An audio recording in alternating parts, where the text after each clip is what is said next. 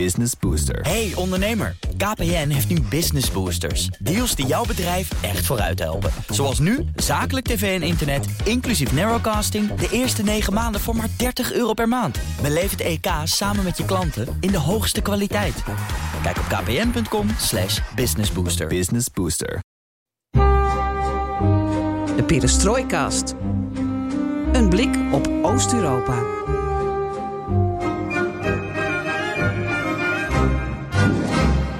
Welkom bij BNR Perestroikast, aflevering 181 van de enige podcast van Nederland die volledig oog voor het oosten heeft en geeft. Een aflevering zonder de vakantievierende Geert-Jan, maar met...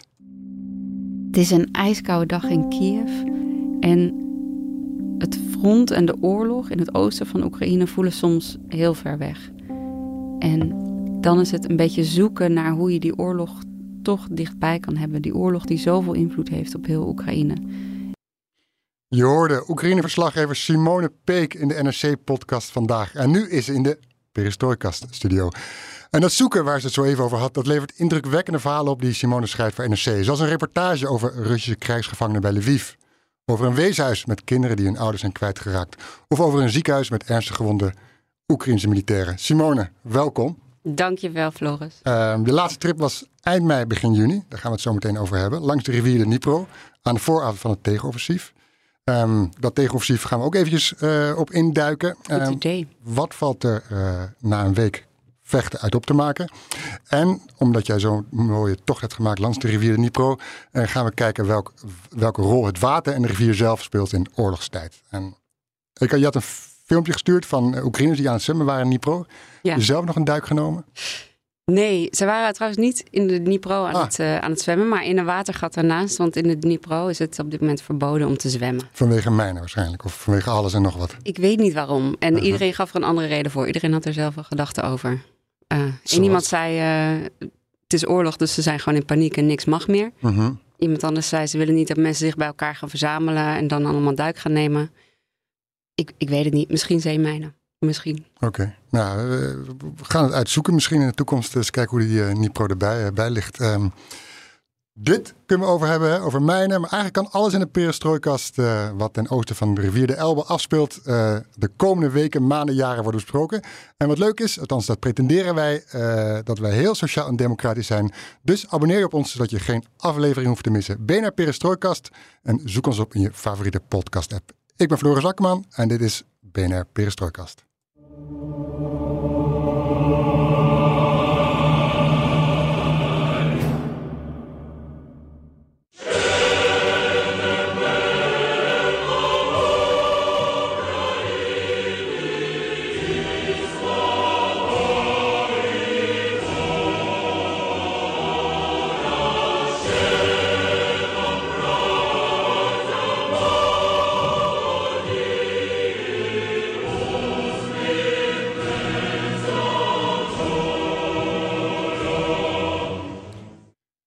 Oekraïne dus. De Dnipro is deze oorlog een scheidslijn en een frontlinie. In het zuiden van Oekraïne hebben op de een oever de Oekraïnse troepen zich genesteld. Aan de andere kant zitten de Russen.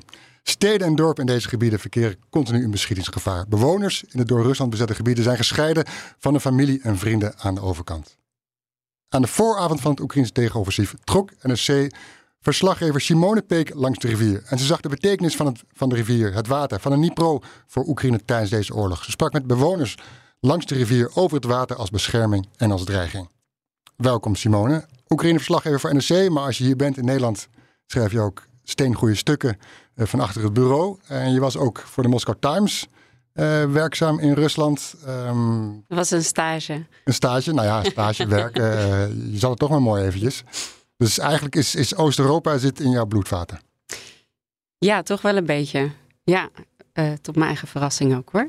Hoezo tot je verras, eigen nou, verrassing? ik kan er nooit zo goed antwoord op geven als mensen vragen hoe dat komt. Ik weet alleen mm-hmm. dat het me gewoon enorm gegrepen heeft. Dat ik geschiedenis ging studeren en dat dat niet helemaal, niet helemaal een match was. Wel super mm-hmm. interessant was. En dat toen ik daarnaast Russisch ging studeren, dat ik ineens uh, heel erg enthousiast werd. En nu studeer je ook Oekraïens, toch? Ja. Hoe gaat dat? Goed, ik heb vanmorgen les gehad. en wat is goed? Um, nou, ik begrijp steeds meer. Dus ik, ik kan nu eh, als iemand tegen mij in het Oekraïens begint te praten, kan ik gewoon best een stukje volgen. En dan van genoeg om een klein beetje terug te praten en dan Ja. zachtjes te verzoeken of ze het niet erg vinden om toch Russisch te praten.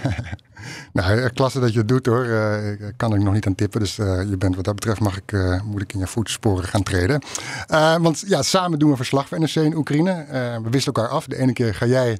En vervolgens als jij terug bent, dan een paar weken later eh, mag ik die kant op. Eh, nu ben je een, een week terug.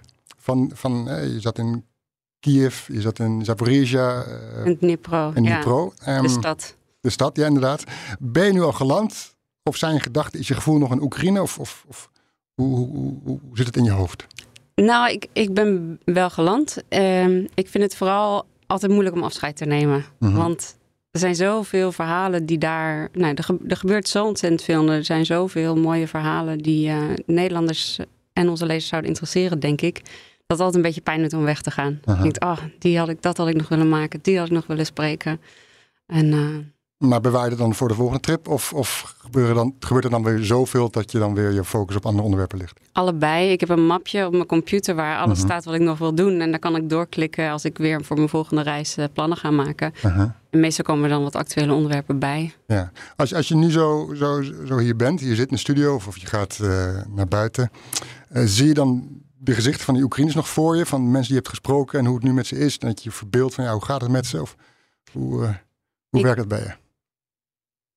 Nee, ja, ik vind het heel lullig om nee te zeggen. Ja, daarop. weet ik. Ehm, nee, ik probeer het los te laten als ik, het, eh, als ik er niet zoveel aan heb of zo. Als ik er niet mee bezig hoef te zijn. Ehm, maar wel bijvoorbeeld eh, ja, gewoon een appje sturen aan mensen. Als ik aan ze, ja, dat doe ik wel. Als ik aan Mhm. iemand denk, dan stuur ik wel even een appje van hoe gaat het met je. Mhm. En dan eh, stuur ik soms een foto van wat ik aan het doen ben. En dan sturen ze terug van wat zij aan het doen zijn. En Ja. dan, eh, ja. En met wie had je nou nog laatst contact over? Ik had vandaag eh, contact met die soldaat die ook in die uitzending van eh RNC Vandaag die je net liet horen. Mhm. Eh, een van de mannen die ik sprak in Kiev in februari alweer. Die had drie maanden in Bagmoed gezeten. En die Mhm. sprak ik met eh, twee van zijn kameraden die gewond waren geraakt. Die met hem daar ook in Bagmoed zaten. Bij het graf van een vierde man die daar is omgekomen. Mhm.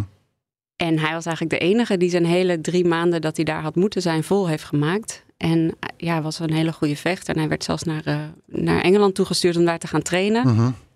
En ik dacht van, joh, met dat tegenoffensief moeten ze hem wel weer nu gaan inzetten. Dus ik ben benieuwd hoe dat gaat. En ik dacht nog van, misschien kan hij een boodschapje achterlaten voor de luisteraars van de Perestrooikast.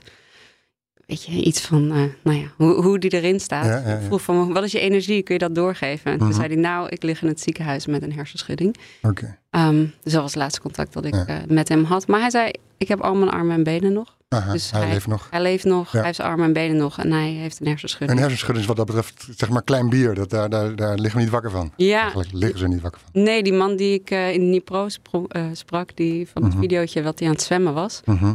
Dat was een soldaat die ook eh, met ziekenverlof was. En Mhm. die was eh, aan zijn vijfde hersenschudding sinds het begin van de oorlog. Oké. Ik weet niet of je er te veel van moet hebben, van die hersenschuddingen. Nee, hij herinnerde zich niet zo heel veel meer van Mhm. voor de oorlog, zei Ja. hij ook. Ja. Daar kon ik hem niet echt vragen over stellen. Ja, je liet al een beetje vallen, het tegenoffensief. Ehm, eh, je was in Kiev, in Zaporizhia, in Dnipro, de stad, en langs de rivier. Was het, en het was eigenlijk aan de vooravond dat je daar zat, of dat je die kant op ging. Ehm, had iedereen het erover? Of, of is het... Nou, wat me heel erg opviel in Kiev, ik, ben, ik ga eigenlijk altijd via Kiev. Jij denkt Mhm. ook. Als je daar vaak wel, ja. ja, vaak ja. wel, het Ja, is toch, wel toch gewoon- even koffie drinken en eh Precies, het is- het is en een- eten. Ja. Het is een stad waar je, waar je nog steeds goed uit eten kan. eh, waar heel veel mensen samenkomen. Heel veel, eh, nou ja, gewoon zakenlui, politici en Mhm. academici en zo. En ehm, wat me opviel deze keer is dat iedereen ontzettend moe is van al die aanvallen. En dat, eh, dat had ik niet helemaal aanzien komen. Omdat het de afgelopen keren toch wel weer voelde alsof de oorlog daar ver weg was. Wat ik Mhm. net ook, eh, wat je me net ook hoorde zeggen. Maar nu is dat wel echt dichtbij, omdat er elke nacht zo ongeveer, nou ja, tientallen drones of eh, een tiental raketten op die stad worden afgeschoten. Ja. En iedereen wil van zichzelf dat hij daar niet moe van is en die wil zich strijdbaar tonen. En iedereen die zegt van we zijn er klaar voor en we gaan die Russen eruit vegen. Ehm, maar ik merkte toch wel aan mensen dat ze ook, ook wel moe zijn. Uh, Het is- en net ook wel zeggen- zenuwachtig zijn voor Ja. die... Ja, want iedereen kent wel iemand die aan het front zit... of die zich daarvoor inzet, of die gewond is geraakt, Mhm. of die is omgekomen. Dus, die, dus ja, het is gewoon al een jaar oorlog en er zijn al zoveel mensen dood dat mensen het ook wel, nou ja, het is gewoon heel erg spannend. Ja, Het moet gebeuren, maar het, is, het, het gaat zo, eh, ja, het wordt heel Is, zwaar. is, is het dan is het hoop, angst? Is het, wat, wat, of gaat het, is het een cocktail van, van, van wat er door hun, hun heen raast? Eh, ja, vastberadenheid. We gaan niet stoppen voordat het zover is, Mhm. denk ik. En, ehm, en, en we laten ook geen ruimte voor eh, nadenken over als het niet lukt. Ja. En dat mogen we ook niet. We blijven gewoon nadenken over dat doel van eh, nee, de Russen eruit uit ons land zetten. Je vertelt, dat ze- je vertelt dat ze moe zijn, maar dat willen ze eigenlijk niet toegeven. Ze willen laten zien van, van eh, moeheid, dat, daar, daar geven we ons niet aan over. Ja, ik zei tegen één iemand van... God, valt me op dat iedereen hier zo moe is. En die schrok heel erg. En die keek me echt aan. Die zei, nee, we zijn er echt klaar voor. We zijn er Mhm. echt klaar voor. En eh, ja, we- je- ze willen gewoon niet zeggen dat ze, dat ze misschien wel moe zijn. En misschien wel verdrietig zijn. En misschien wel eh, het heel erg spannend vinden. Want, want iedere zwakte die je toont, dat, nou ja, dat geeft de vijand munitie. Ja, En dat ja. geeft ook munitie aan bijvoorbeeld eh, eh, eh, Russische propagandisten. Die Mhm. zeggen, zie je, de, de Oekraïnse bevolking wil helemaal niet meer. Die wil dat Zelensky gaat onderhandelen. Ja, Dus daar willen ze geen enkele ruimte voor laten. ja. En ze zijn gewoon. mee. Je, je had net contact met, je had dus contact met die, die, die Oekraïnse militair die dus met een hersenschudding in het ziekenhuis ligt. Ehm, heb je nog met meerdere mensen gesproken over het tegenoffensief? Eh, of die, ja, die hebben dus contact met familieleden die daar zitten. Ja. Liggen, ze daar wakker van? Of hoe, hoe gaan ze daarmee om? Met een familie die daar zit? Het is natuurlijk heel erg spannend. Ik heb veel mensen gesproken die een zoon bijvoorbeeld hebben die aan het front zit. Eh, een man die zei Bagmoed, toen zei ik letterlijk Bagmoed. En toen zei, haalde hij een beetje zijn schouders op. Zei, het is een soort synoniem geworden van het front. Van eh, een uh, Gorjatje zeg maar. Mhm. Van een, eh, een, eh, hoe noem je dat? Heet een punt, plek, ja. een heet punt Ja. waar, waar, waar stevig gevochten wordt. Mhm. En dat is gewoon eng. Als je, dan hoor je vaak hoor je een week niks van je, van je zoon of eh, van je man. En dan eh, ineens wel. Ik sprak één vrouw in de trein. Eh, vanuit Kiev eh, zat ik in de nachttrein en ik deelde met haar een coupeetje. En haar man die zit al eh, een hele tijd in Zaporizhia zich voor te bereiden op het tegenoffensief. Mhm. En hij zit, nou, hij wilde er zo min mogelijk over kwijt, maar hij zit in een, eh, in een, een beetje een elitegroep waar ze kleine acties eh, mee uitvoeren. Maar dus wel hele risicovolle dingen doen. Mhm. En ehm, nou ja, zij ziet hem eens per maand, zei ze. En dan een uur, een uur of twee. En dan gaan ze samen gaan ze naar, de, naar een hotel. En dan brengen ze wat tijd met elkaar Mhm. door. En ze was heel erg optimistisch. Ze aan het vertellen van... nou, het gaat hartstikke goed met ons. En eh, ik hou van hem. En hij is zo sterk. En hij is zo goed. En ik dacht eerst, deze vrouw die, die trekt dit hartstikke goed. En die is hiervoor gemaakt of zo. Maar we brachten natuurlijk de nacht door samen. Mhm. Zo'n coupeetje. En het viel me op dat ze helemaal niet sliep. Mhm. Zij zat de hele tijd recht overeind, zat de hele tijd naar de telefoon te kijken. Iedere keer Mhm. stond ze weer op, iedere keer bedacht ze weer van... oh wacht, ik moet nog een crèmpje opdoen hier of zo. Omdat ze haar man natuurlijk zo weinig ziet, probeerde ze gewoon op het allerbest uit te zien. Mhm. Ze de hele tijd bezig met van allerlei soorten dingetjes op haar handen... en op haar armen en op haar gezicht. En eh, ik geloof dat ik zelf om vijf uur wakker werd. En toen keek ze ook een beetje opgelucht. Zo van, ah, ze is er weer. Dan begon ze weer alleen maar door tegen me te vertellen. En ik had haar telefoonnummer en ik vroeg hoe het ging. En toen zei ze van, eh, dat haar man zich bijvoorbeeld best wel zorgen maakte over tegenoffensief. En over hoeveel mensenlevens dat gaat kosten. Mhm. En dat zij het zag als haar taak om hem nog wat moed te geven. Mhm, Dus zij zei, mhm. ik heb hem weer moed in gepraat. En eh, nu kon hij er weer tegenaan. En hij weet dat in elk geval zijn thuisfront veilig is. En dat ik veilig ben. En dat onze dochter veilig is. En ehm, nou ja, zo, zo houdt iedereen, eh, probeert de, de moed erin te houden. Ja, maar dat het is is, misschien ja, ook wel de rol van de achterban natuurlijk, van de familie. Van ja, geef niet op en we staan achter je en, en ja, houd moed, houd vol. Ja, maar ook een hele zware rol. Want je maakt je ook ontzettend zorgen over Mhm. zo, zo iemand die zich eh, nou ja, in eh, schotafstand van de artillerie Ja, bevindt. ja. Wat, wat, eh, wij, wij zitten hier te kijken naar het tegenoffensief en krijg je alle berichten over social media krijg je binnen. En dan zit je te scannen inderdaad van ja, klopt dit? Is dat waar? Hoe kan dat? Hoe zit dat?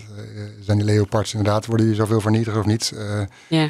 Ehm, kijken zij ook daar zo daarnaar, of via social media? Of hebben zij door, door dat een familie eh, daar vecht toch andere informatie en weten ze beter hoe het, eh, hoe het ervoor staat? Ik denk dat ze het beter weten. En ik denk dat ze zich voor een heel groot deel afsluiten. Omdat ze weten dat dit tegenoffensief, eh, dat, dat wordt op meerdere fronten gevoerd. En een deel daarvan is de informatieoorlog. Mhm. En de Russen die willen natuurlijk inderdaad de indruk wekken dat, er, dat al die leopards die Ja. Europa zo schoorvoetend en uiteindelijk, nou ja, hoe noem je dat? Uiteindelijk zo vrij heeft gegeven. Mhm. Dat die, eh, dat die eh, allemaal weer stuk zouden zijn. Dus dat proberen de Russen eh, mensen wijs te maken. En ik denk dat de Oekraïners die sluiten zich daar best wel voor af. En die varen inderdaad vooral op wat ze dan horen van hun man. En dat is ook het belangrijkste. Mhm. En ik hoor mensen die wat hoger geplaatst zijn, die zich niet direct, ehm, die zich niet direct eh, bezighouden met het tegenoffensief. Die zeggen, ja, dat is aan het leger bijvoorbeeld. Die zeggen, ja. die moeten daar de keuzes maken. We vertrouwen erop dat zij de goede keuzes maken. En nee, hoe dat er precies uitziet, dat weten we niet. En dat, Mhm. dat, dat hoeven we ook niet te weten. Ja, kun, kun jij een conclusie trekken na een week tegenoffensief? Nee, Nee, hè? nee, jij toch ook niet? Nee, ik zit ook te zoeken van Nee. goh, wat, wat, kun je nu, nu een week van zeggen? Je leest van alles dat, ze, hè, dat er nog heel wat brigades achter de hand worden gehouden en dat dit nog steeds een soort van prikken is waar de zwakke punten van de Russen liggen. Ja. Of ze misschien aan een bepaalde kant proberen toe te trekken, maar Ik heb echt geen flauw benul. Nee, ik, ik weet, en dat lijkt me ook wel zo, dat, ehm, en dat, dat lees je ook, dat, dat ze nog lang niet alle apparatuur die, die het Westen heeft gegeven, hebben ingezet. ja.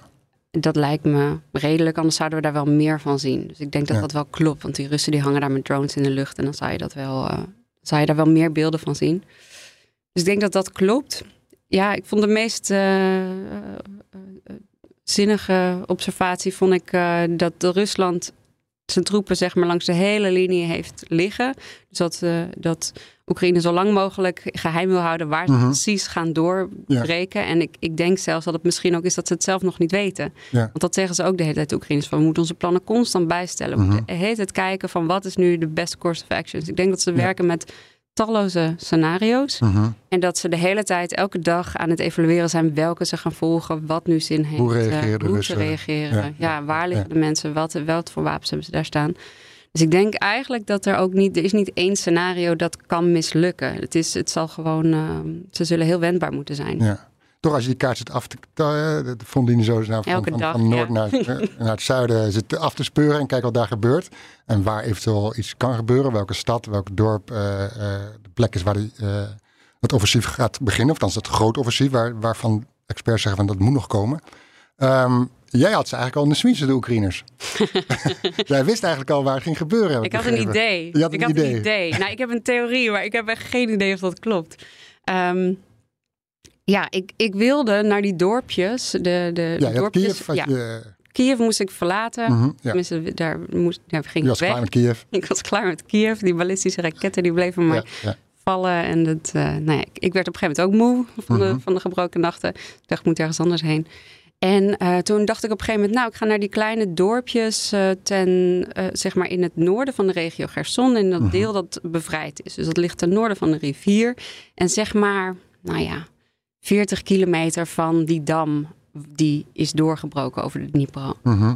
ten noorden daarvan.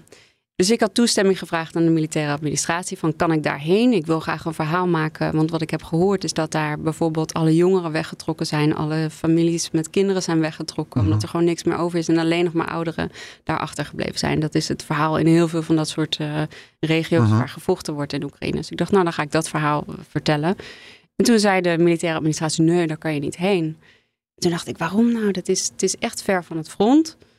En de, ja, toen vroeg ik waarom. En toen zeiden ja, dat is omdat, eh, omdat er de tijd luchtaanvallen worden uitgevoerd.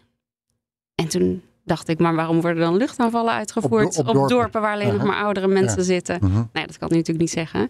Ehm, maar goed, dat deed mij denken dat daar gewoon eh, een heleboel militairen opgesteld staan in Mhm. dat gebied. Dus dat hele gebied was verboden terrein. Terwijl daar echt geen echt goede reden voor is. Het is niet in frontlinie geweest. Het is niet zo dat er heel veel mijnen liggen. Het is, Mhm. eh, ja, het is gewoon gek. Dus ik dacht, daar staan waarschijnlijk heel veel, eh, heel veel militairen. Die staan daar klaar voor de aanval. En nou is het zo dat als je vanaf daar dus inderdaad naar het zuiden zakt, dan kom je bij die dam. En als je kijkt naar die, op de kaart naar die dam, naar die rivier, dan zie je dat die daar ook op zijn allersmalst is. De Kakhovka-dam. De Kachovka-dam. En Mhm. ten zuiden daarvan, of tenminste stroom downward, eh, onderaan, de eh, zeg maar onderaan die Ja. eh, dam, daar Mhm. zit een soort eiland en daar kan je helemaal je een soort van eh, over kunnen steken. En toen zag ik dat de Russen daar inderdaad ook ehm, eh, verdedigingslinies hebben opgeworpen voor die, voor die plek. En toen dacht ik, ik denk haast dat ze daar een aanval gaan doen. Mhm. Dus ik denk dat ze van plan waren om daar een aanval te doen. En ik Ja. denk, maar dat, ik, dit is echt theorie. en Ik loop hier gewoon te speculeren. Dus alsjeblieft, jongens die luisteren, ga dit niet Ja, allemaal hier- tegen je hier- vrienden hier, zeggen. eh, hangen we Simone eh, aan vast hoor. Eh, Ja, dus ik denk dat ze daar van plan waren een aanval uit te, een aanval te beginnen. mhm. En Poetin heeft ook zoiets gezegd. Hè? Hij heeft laatst met allemaal van die oorlogscorrespondenten. Die militaire bloggers. Ja, die militaire bloggers Ja. en de, en de Pervi kanaal eh, Ja. eh, journalisten. Mhm. En heeft hij ook zoiets gezegd van de, de Oekraïners die wilden daar een aanval doen. Maar dat is eh, voorkomen doordat, we, doordat die dam is doorgebroken. Hij zegt natuurlijk niet dat hij dat heeft gedaan. En vervolgens zei hij ook, maar dat is jammer, want het was zo'n slechte plek om een aanval te beginnen, dat het voor ons voordelig was geweest als ze het wel hadden gedaan. Dus hij Ja. probeerde ook weer een beetje eromheen Ja, te draaien. ja. Om toch maar duidelijk te maken dat ze er echt niet achter zitten, omdat ze Mhm. het niet echt voor de uit hebben gehaald. Maar ze zeiden wel dat ze de voordeur uit hebben gehaald. En de Oekraïners zeiden zelf ook na het doorbreken van die dam dat ze hun plannen moesten gaan aanpassen. Dus Mhm. ik, ik, ja. Dat soort signalen, dat soort puzzelstukjes, hè, die, daar zitten nee, we naar te dat- kijken dat- de hele tijd. Dat is de waarde waarom je ook daar zit, waarom je daar bent. Hè? Dat je dit soort dingen eh, Ineens. Ja, kan speculeren. ja. nee. Maar in ieder geval dat je, dat, je, dat je weet op de grond van wat er gaande is. En dat je ook als een militaire eh, woordvoerder, persofficier of die je sprak, eh, toch een beetje uit kan filteren van hé, hey, wat moet zegt iets hij? En, gaande eh, er moet iets gaande zijn. ja. Je, je trok langs de Dnipro en je was klaar met Kiev. Het is daar best, wat ik begrijp, het is daar toch anders geworden ook. omdat die ballistische raketten, waar je vroeger altijd 20 minuten bij wijze van spreken of tijd had om Pompidom rustig eh, naar je schuilkuil te gaan of even een mederstation op te zoeken. Dat is niet meer hè, met die, met die dingen Nee. die nu vallen. Nee, nee, gewoon- dat is echt drie minuten. Ik Ja. heb één keer dat ik eh, in de badkamer stond onder de douche en dan ging dat luchtalarm af. Mhm. En eh, toen dacht ik, nou oké, weet je, meestal heb je dan inderdaad nog iets van 20 minuten, 10 minuten. Ja. Ik dacht, nou oké, even de douche uit, even afdrogen. En toen kwam het dus al. En toen begon het meteen al, die luchtafweer en die explosies en het hele hotel schudden. Mhm. En dat was echt drie, drie minuten of zo. Dat was echt niet lang. En normaal neem ik dan de tijd om eventjes te kijken van wat komt er aan. Je hebt van die Telegram groepen van Mhm. oké, eh, nou dan komen Shahid aan. Nou dan weet je dat je gewoon eh, zeker nog twintig minuten hebt. Ja. Die dingen zijn best wel langzaam. En ook bij die raketten, ja, weet je, vaak ging dat ding af op het moment dat die vliegtuigen opstijgen of zo. En dan heb je gewoon nog wel even. Ja. Maar ik ben, heb wel mijn praktijk moeten aanpassen daar. Mhm. dat als dat luchtalarm afgaat, eerst eh, buiten, zeg maar eerst weg van de buitenmuren, weg van het raam. Mhm. En dan even kijken wat het is. Ja. Dus met opluchting vertrok je uit Kiev. Kiev. Ehm, nou, met opluchting, nee. Maar goed, eh, je, je, je, ging... Het- Het gaat nog steeds door. hè. We hebben net, een- er is net een raketaanval, Ja, nee, zeker. Het nog raketaanval geweest bedoel- in Kiev. Op de, terwijl, nou ja. Je, je, je, had, je had het over moeheid. Daar kun je Ah, ja. dan, eh, dat is dan wel even prettig in dat opzicht dat je daar eventjes... Het was voor mij wel fijn dat ik, eh, dat ik daar weg Ja. kon. Ook omdat ik er niet zoveel te doen had. En dat, Mhm. dat en ik kan dat soort dingen, kan je, ja, zijn, je kan ermee leven als je ook eh, een opdracht hebt daar of zo. Maar Ja. eh, ik had dat even niet. Je voelt Dan is vaak het- ook wel, het is nu klaar in Kiev of in Ja. eh, Gerson of in... in Ja. We moeten door. Ja. Dus je gaat door met, met fotograaf Konstantin Tjernitskin. Trek je langs de Dnipro in een auto met chauffeur. auto. Nee, hij wij reed? rijden. Oh, ik, jullie reed. reden? ik reed. Jij reed? Ja. Oké. Hij niet? Nee, Nou, nou, ja, hij heeft wel een stukje gereden. Ja. Oké. nou, Ja. Maakt niet uit. Dus je... je, je, je- van rijden. eh, eh, eh, langs de Dnipro, vanuit Mhm. Kiev doortrekkend. En waarom trok je daar langs? Waarom koos je de rivier, deze rivier uit om... eh, Ik koos die rivier uit ehm, omdat ik wilde in eerste instantie naar Gerson, maar dat bleek te gevaarlijk voor wat eh, de, de krant aan opdracht eh, kon meegeven, omdat het gewoon heel erg dicht bij de Russen ligt. Is daar onlangs ook een Oekraïense journalist Mhm. door een sniper gedood. Gewoon vanaf de overkant van de rivier, omdat de Russen daar zo dichtbij liggen. mhm. En ehm, toen moest ik een alternatief plan bedenken. En toen dacht ik, ik vind die rivier toch wel heel erg, eh, heel erg bijzonder. Het is echt zo de levensader van Oekraïne. Het loopt Mhm. er recht doorheen. Je hebt al die dammen die gewoon zorgen dat er allerlei stroom kwam. Die zorgden dat het eh, allemaal irrigatiekanalen konden worden opgezet. Ehm, Een slagader van Oekraïne of is dat, dat te sterk? nee, waarom? Dat vind ik. ik prima. Mhm. De slagader van Oekraïne. Ja. En slagader klinkt ook weer negatief, maar misschien is het dat ook. Want het is, eh, nou ja, wat, wat, wat, het is dus ook een gevaar op dit moment. Eh, Mhm. Dus ja, aan de overkant van de rivier is het ineens, eh, is, is dat, die, die rivier is de frontlinie in het zuiden. Mhm. Ja. En vanaf de overkant wordt geschoten. Dus ineens is die, die kade is gewoon gevaarlijk Mhm. geworden. En ehm, Nou, toen, toen keek ik daar een beetje rond naar die dammen en zo. En, en die dreiging van die dam, die, dat die zou doorbreken, dat, die, die hing al heel lang. Dus ik dacht, ik ga eens bij die dammen kijken. En ik ga eens kijken naar de geschiedenis van die dammen en, uh, en naar de Sovjetgeschiedenis uh, in dat gebied. Ja, dat waren we aan het doen. Toen zijn we langs de rivier getrokken naar het zuiden. Ja, en die dammen, die, die, als je dat zo ziet, dan zie, je, dan zie je meteen de dreiging erachter als zoiets doorbreekt. Ja, zeker. Ja, die dingen zijn immens. Ja. Echt immens. Als je in Zaporizhia bij die dam, dan kom je over de dam, kom je de stad binnen. En dat is echt zo'n indrukwekkend gezicht. Ik, ik weet niet uit mijn hoofd hoe, hoe, hoog die is, maar hij is een kilometer lang bijna. Ja. Dus dat is, en, en er zit zo'n bolling in en dat water dat stort naar beneden. En je ziet dan die heuvels liggen. Het is echt uh, ja, heel indrukwekkend. En dan de dorpen die er op lager gebied liggen. Precies, en wat allemaal weg zou uh, vallen ja. als, uh, als, die, als dat bulk met water dat daarboven aan de, mm -hmm. aan de linkerkant, als je aan binnenkomt rijden, um, ineens los zou komen. Ja, ja. Je, je vertelt dat de Dnipro is ook een verdedigingslinie. Was het, of is het nu meer een, een uh, beschermd Oekraïne? Tegen aanvallen vanuit Rusland, om het zo maar te zeggen. Het is voor Rusland moeilijk om er overheen te komen. Maar het is nu ook een, een, een soort van vijand geworden. Dat water, de rivier. Ja, door, de, door die, uh, die damdoorbraak is dat, is dat, was dat gewoon even een vijand. En, en, iemand zei van de week tegen mij van waarom noemen we dit niet een, um, een weapon of mass destruction? Waarom noemen we dit geen massavernietigingswapen? Dit uh -huh. water, dat je dat gewoon in één keer loslaat over zo'n gebied. Dan maak je het gebied gewoon uh, onbegaanbaar. Het droogt uit of het vervuilt. En, en, en zoveel mensen komen ineens in de problemen. En ja, we weten nog steeds niet precies hoeveel mensen er gestorven zijn. Omdat Rusland, die cijfers, die vertrouw ik niet helemaal. Um, maar goed, er, er zijn gewoon nou ja, enkele tientallen mensen in ieder geval omgekomen. -huh. Um, dus dat water is ook een gevaar. En die dammen, die, die leven geven, die elektriciteit geven, die landbouwgrond bewateren, die, die zijn, ja, dat is er ook een gevaar. -huh. Ik raak dus afgeleid, hè? Ja, dat is, ik zei al, je moet mij niet voor het Er is een studio hier en dan heb je met een groot raam en dan zie je de lobby van, van BNR, van het FD. En er komen allemaal mensen die kijken eventjes en uh, Simone is meteen van de leg als er even naar wordt gekeken. Ik zei, zet me nou niet voor het raam. Laat me naar de deur kijken. Ja, maar nou, je, kan, je, je, kan wisselen. Maar goed, okay. deze microfoon deed het wat met ja. eventjes weten. Ja. um, je, je, zei het, het is een as van leven en dood. Mm -hmm. De Nipro, uh, toen we elkaar vooraf even spraken. Ja. Dus um, ja, elk moment kan hij zich tegen je keren. Ja, elk moment kan hij zich tegenkeren. Het is natuurlijk ook de plek waar uh, historisch gezien alle, ja, allerlei soorten uh, troepjes binnenkwamen. En mm -hmm. uh, vanaf waar de, de, de Kozakken daar een heel gebied konden beheersen. En um, ja, ja, wat was de vraag?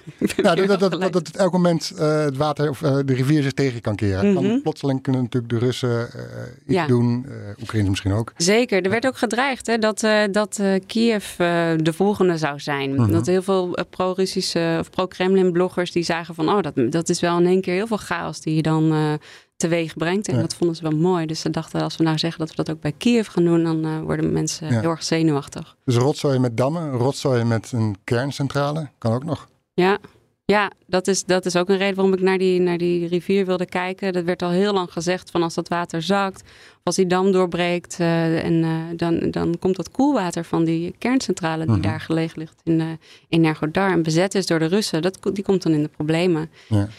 En um, dat, ja, dat is heel eng. Dat ja. vind ik heel eng. Ja, is het zeker. Je schreef een prachtige reportage voor NRC over je tocht langs de, langs de Dnipro. Wie, wie kwam je daar tegen? Kwamen een heleboel mensen tegen. Mm -hmm. Allereerst, het is een plek waar mensen uitrusten. Dus er mm -hmm. zitten allemaal uh, plekjes langs, de langs het water waar mensen barbecuen en met elkaar samenkomen en lekker drinken en zo. Ook in oorlogstijd? Ja, iemand zei wel tegen me dat normaal, de, de plekken waar normaal altijd heel veel mensen zijn, dat die nu weer begroeid zijn. Mhm. Omdat er dus minder mensen in het land zijn. Omdat heel veel mensen zijn vertrokken en vorig jaar um, ook minder buiten zijn gaan zitten. Dus uh, het zijn wel minder. Het gebeurt zeker minder in oorlogstijd, maar het gebeurt nog wel. -huh. Um, en wie kwam ik tegen? Ja, ik kwam. Een van de meest indrukwekkende mensen die ik tegenkwam was een man die daar in de schaduw lag. Was een soldaat uh, van een bataljon. En die lag daar dus met zijn vijfde hersenschudding, ik noemde hem net al eventjes, uh, uh, lag hij uh, te ontspannen. Hij moest eigenlijk nog in het ziekenhuis liggen, maar zijn vrouw die had hem, of zijn nieuwe vriendin, die had hem eruit gehaald om lekker flesje Artjomovsk, eh, champagne te drinken in de schaduw. Uit Bagmoed eigenlijk? Ja, eh, Bagmoed mhm, champagne. mhm, ja. ehm, die, eh, die nog steeds in de winkels ligt eh, uit die fabrieken. mhm. Ehm, dus, dus hij lag daar en hij lag daar een beetje bij te komen. En ehm, nou ja, hij, hij wilde eigenlijk ook eh, wel weer naar het front uiteindelijk. Maar nu was hij nog even met zijn vrouw, Maar- met zijn vriendin. Je, je schrijft ook dat hij dat die nogal wat kameraden heeft verloren. Ja, dat hele bataljon. Ik zei, ga, eh, hij zei, ik wil weer terug. En toen zei ik, ga je dat naar hetzelfde bataljon? Mhm. En toen zei hij, eh, nee, dat kan niet, want die zijn allemaal dood of gewond. Ja. Dus eh, nou ja, een bataljon bestaat uit honderden mensen, Mhm. tot aan duizend. Ja. Het zullen er geen duizend geweest zijn, maar ehm, nou ja, dat bataljon is dus gewoon weggevaagd. Maar hij heeft dus, dus tijdens de oorlog, ja, is het toch nog tijd voor liefde. Ja, ze hadden vriendin. elkaar gevonden. Ze wilden me niet zeggen hoe. Ah, ja, ik zei, hoe hebben jullie elkaar ontmoet? Ja, dat ja, gewoon, we kwamen elkaar tegen. dat is dus de beroepsgeheim, legergeheim. Ja, blijkbaar. Ik weet niet wat zij aan het doen was. Ehm, haar eerste man is, is eh, ook overleden aan het front in oktober. Mhm. Maar ehm, ze vroeg me om er wel bij te vertellen dat ze al een tijdje niet meer samen waren. Ik weet niet waarom. Maar. Ik denk omdat ze niet de indruk wil wekken dat ze maar twee maanden verdriet had om hem en dan weer een volgende Mhm, vriend eh, ja, ja. had genomen. Ja. Maar ze waren een tijdje niet meer samen. Maar goed, dat is toch, was toch verdrietig voor Ja, dus, dus voor die mensen die dus langs Nipro is Nipro even een plek van ontspanning. Het is een plek van ontspanning, ja. Mhm. Ja, en maar ook wel een plek waar het soms ineens heel luidruchtig kan worden. Want eh, er liggen daar vliegtuigen, vliegvelden in de buurt. Ten eh, zuiden van het Dnipro. En vanaf daar gaan gevechtsvliegtuigen die, eh, die, die trekken op. Mhm. En ehm, nou, ik heb één gehoord en dan hoor je het echt heel luid brommen. En heel. ehm, en eh, de- ja, dan. Dat is echt, ja, je kan niet zo goed zien waar het vandaan komt. Dat is zo'n geluid dat ineens overal is. En dan steken ze over naar het oosten. En dan hoor je op een gegeven moment vanuit het oosten hoor je dan, eh, nou ja, hoor je die, die bommen die ze waarschijnlijk laten vallen. Of Mhm. dat ze uit de lucht geschoten worden. Je weet het niet. Want je Ja. Maar je hoort over die, over die Dnipro hoor je de, hoor je de oorlog echo. Ja. Je, je vertelde ook dat Nipro wordt gebruikt als een soort van snelweg. Ja. De drones. Ja, dat werd mij verteld door meerdere mensen in Dnipro. Dat, ehm, dat de Russen die, die rivier gebruiken op de een of andere manier als een soort drone-snelweg. Omdat je hem daar makkelijk over kunt laten vliegen. Ehm, bijvoorbeeld door hem laag te laten vliegen of zo. In ieder geval heb je dan bijvoorbeeld geen schaduw. Dus ze zijn gewoon moeilijker te spotten dan. En je hoort die dingen wel. Eens, heb je ook van die Mhm. Ja, wel eens gehoord? Ja, je hoort ze wel. Het maakt Ja. best wel kabaal. Maar ze zijn gewoon moeilijker te spotten. Ook omdat er allerlei eilandjes in de Dnipro liggen. Dus je kunt daar een beetje omheen manoeuvreren. Mhm. Ehm, en dat ze dus op die manier door laag over het water te vliegen, daar een stuk, eh, dat ze gewoon naar het noorden kunnen komen, zelfs eh, naar Kiev of Ja, naar een van die andere. Dan kun je ja. gewoon naar Kiev Dan vliegen. kun je gewoon. Het is gewoon een soort, snel, een soort eh, snelweg naar Kiev. Ja. Nou weten de Oekraïners dat, dus die proberen ze ook uit- eruit te schieten. Dus die hebben ook ehm, bij de toegang van die stad, eh, verder buiten, dat doen ze iedere keer, ver buiten Kiev ook, hebben ze van die mobiele dronebrigades, die Mhm. proberen die dingen uit de lucht te schieten. Mhm. Daar hebben ze ook eh, langs de kant van de rivier. Dus eigenlijk op die oude Kozakken uitkijkpunten. Nou, ik weet niet wat precies die zijn hoor. Maar dat, zo voelt het dan. Ehm, waar de Kozakken dan uitkeken over de rivier. Dat daar nu dan die antidrone brigades eh, Ja, staan. ja. Om eh, de vijand, nou ja, een soort eh, hele moderne vijand nu dan uit te schakelen. Ja, ja. Wie, wie, kwam je nog meer tegen waarvan je denkt van nou, die is hem nog bijgebleven? Qua persoon. Langs de Ho- Hoeft rivier. niet letterlijk langs de rivier te zijn hoor, maar gedurende die tocht. Nou, we- wat ik een interessant iemand vond, was een priester die ik tegenkwam. Die zat daar in een, ehm, in een plek. Een, een, ja, hij noemt, het is een oud Kozakkendorp. En dat is door de, door de Sovjets helemaal plat gegooid. En daar is allemaal industrie neergezet. En het enige wat er nog staat is een kerkje, wat daar al 200 jaar staat. En hij komt uit dat gebied, of in ieder uit die buurt. En dit is een priester en die, die, ja, die, die, die zit in die kerk en die ontvangt daar, die houdt daar diensten en die eh, ontvangt daar mensen. En nou, dat is echt een heel goor gebied. Want je zou eigenlijk uit die kerktoren de rivier moeten kunnen zien. Maar in plaats daarvan zie je gewoon mm, honderden meters lange bergen met staalslakken en, en, en troep liggen. En onder de grond ligt gewoon tonnen en tonnen aan radioactief afval. Omdat er ook in dat gebied eh, raketten werden eh, gefabriceerd in die tijd. Ehm, en ik heb het opgezocht. Hij zei er ligt 40 keer Tsjernobyl hier onder de grond. Ik heb Mhm. het opgezocht. Dat is niet waar in hoeveelheid, maar het is wel waar in straling. In straling, er komt gewoon 70 keer meer straling vrij op die plek dan in Tsjernobyl. Waar komt het dan? Ja, omdat het slecht is opgeslagen. Ze hebben er gewoon nooit meer wat mee gedaan. Tsjernobyl heeft natuurlijk heel veel internationale aandacht gehad. Mhm. En mensen, of, eh, internationale partners die helpen omdat, eh, weet je, die hebben ook net weer een nieuwe, nieuwe Mhm. koepel erop gezet Ja. eh, een aantal Ja. jaar terug. En daar ligt dat gewoon een beetje te versloffen ehm, onder de grond. En dat lekt en dat, en dat, en dat, nou ja, dat komt, gaat, gaat een beetje alle kanten op. Ja. Dus je, je trekt van Kiev, Dnipro, Zaporizhia? Ja, verder niet. Verder niet. Ik niet, nee. Ik mocht niet verder. nou ja, zeg. ik ben op, die, op dat eiland geweest, uh, Gortitsa. En eh, dat je vanaf daar zit je onder de, onder de dam van Zaporizhia. En dan kan je zo vanaf daar de stad zien. Mhm. En dan kan je zo omhoog kijken. Dat is het meest zuidelijk dat ik ben geweest. Ja. En, en, en nou spreek je eigenlijk mensen aan deze kant van de oever. Aan, aan de, moet ik altijd goed nadenken aan de linkeroever. Zeg ik nu toch even De rechteroever. Oekraïnse kant. Vanaf, ja, je moet vanaf Ki- Kiev en dan naar Ja. beneden kijken en dan naar rechts. Dan is de rechtsoever. Ja, En nou ja, die, die, die, die, die kunnen nog zwemmen in ieder geval. Of die kunnen nog barbecue. zwemmen niet. Ja, alleen dus in, in het watergat naast de Ja, Dnipro. ja. Aan de andere kant zitten ook nog mensen. Ja, Ehm, die, in bezet gebied. ja. Smachten die naar het tegenoffensief? Smachten ze naar bevrijding? Hebben ze hoop daarop? Ik sprak een vrouw die uit Gerson komt en haar man die zit aan de overzijde van de rivier. En die heeft ze dus al zeven maanden niet meer gezien. Hij was op bezoek bij zijn moeder met een van haar zoons. Ze heeft drie zoons en die hebben elkaar dus al, eh, al zeven maanden niet meer gezien. En zij vertelt dat mensen daar langzaamaan hoop aan het verliezen zijn. Mhm. Zij zei, eh, mensen, het, duurt nu al zo lang die bezetting. Het duurt al, al, al anderhalf jaar daar in die regio. Mensen geloven gewoon haast niet meer dat, dat Oekraïne ze ooit nog kon bevrijden. Want ze denken dat, dat de Russen daar te sterk zijn? Of dat, dat, dat, dat Oekraïne daar niet tot toe in staat is? Of, of ze hebben überhaupt gewoon hoop verloren? Ik denk dat ze denken dat, eh, dat Rusland te sterk is en dat, ehm, ja, dat ze gewoon niet inzien hoe. Of, of misschien durven ze niet meer te hopen. Mhm. Dat zou ook kunnen. Hè? Dat je op een gegeven moment denkt van nou, als je anderhalf jaar lang zit te wachten tot er iets gaat gebeuren, dan hou je jezelf ook voor van hou je jezelf ook anderhalf jaar lang in een soort pauze. Mhm. En dat is misschien, wordt dat te veel voor mensen. Dat ze denken, Ja. ik wil nu door. Of eh, Mhm. ik, ik ga hier nu dan maar mee leven.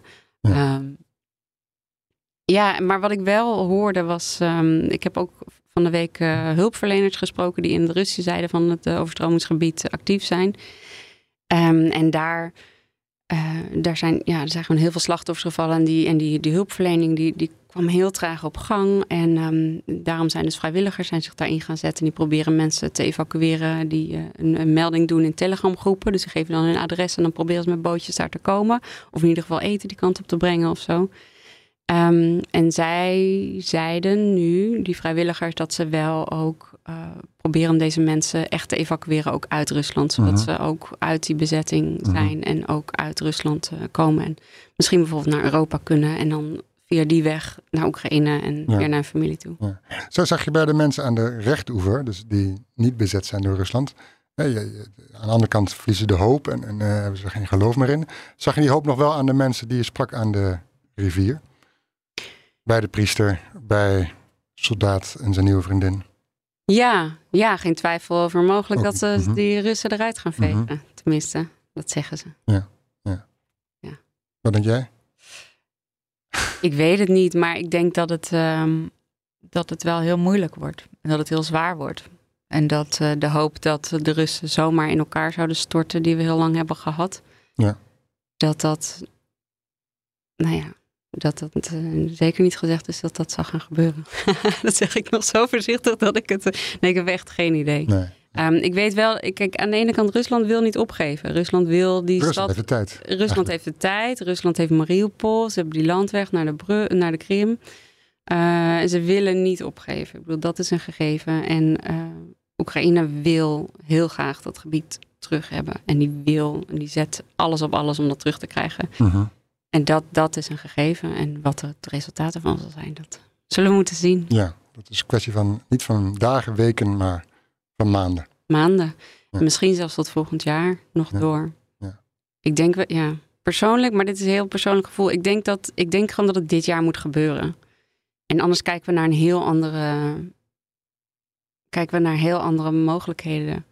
Dan weet ik niet of het nog gaat lukken. Dan denk ik dat er concessies gedaan moeten worden Ja. of zoiets. Dan zal het beste vragen, Kiev, ga maar eh Ga onderhandelen. maar, ja, Ja. onderhandel maar over iets. Ja, wij Kom stoppen, maar met, ergens. wij Ja. stoppen met wapens leveren, want het heeft geen zin. Dat is de vrees. Alhoewel de partners natuurlijk altijd zeggen dat ze dat niet, dat ze niet Ja. gaan stoppen. Af.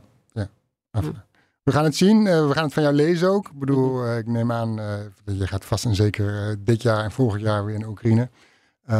Dus je kan al je verhalen lezen van Simone. Als je gewoon zoekt op de NSC-site en je toetst haar naam in, Simone Peek, dan zie je al haar artikelen verschijnen. Zeg maar een persoonlijke pagina heb je. Dus van, Ja. van werkelijk prachtige verhalen, indrukwekkend. En, dus ga er even voor zitten, zou ik zeggen.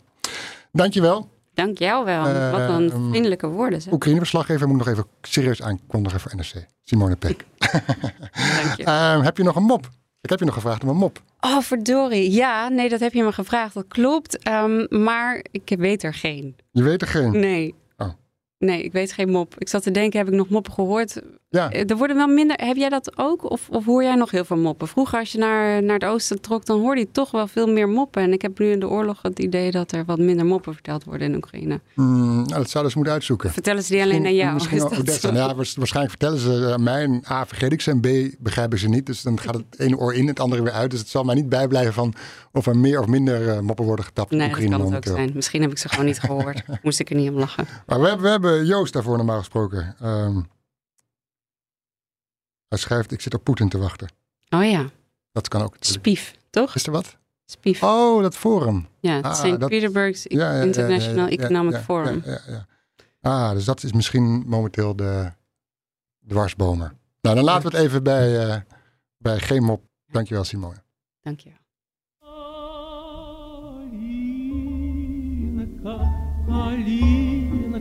калинка, калинка моя, в саду ягода, малинка, малинка моя.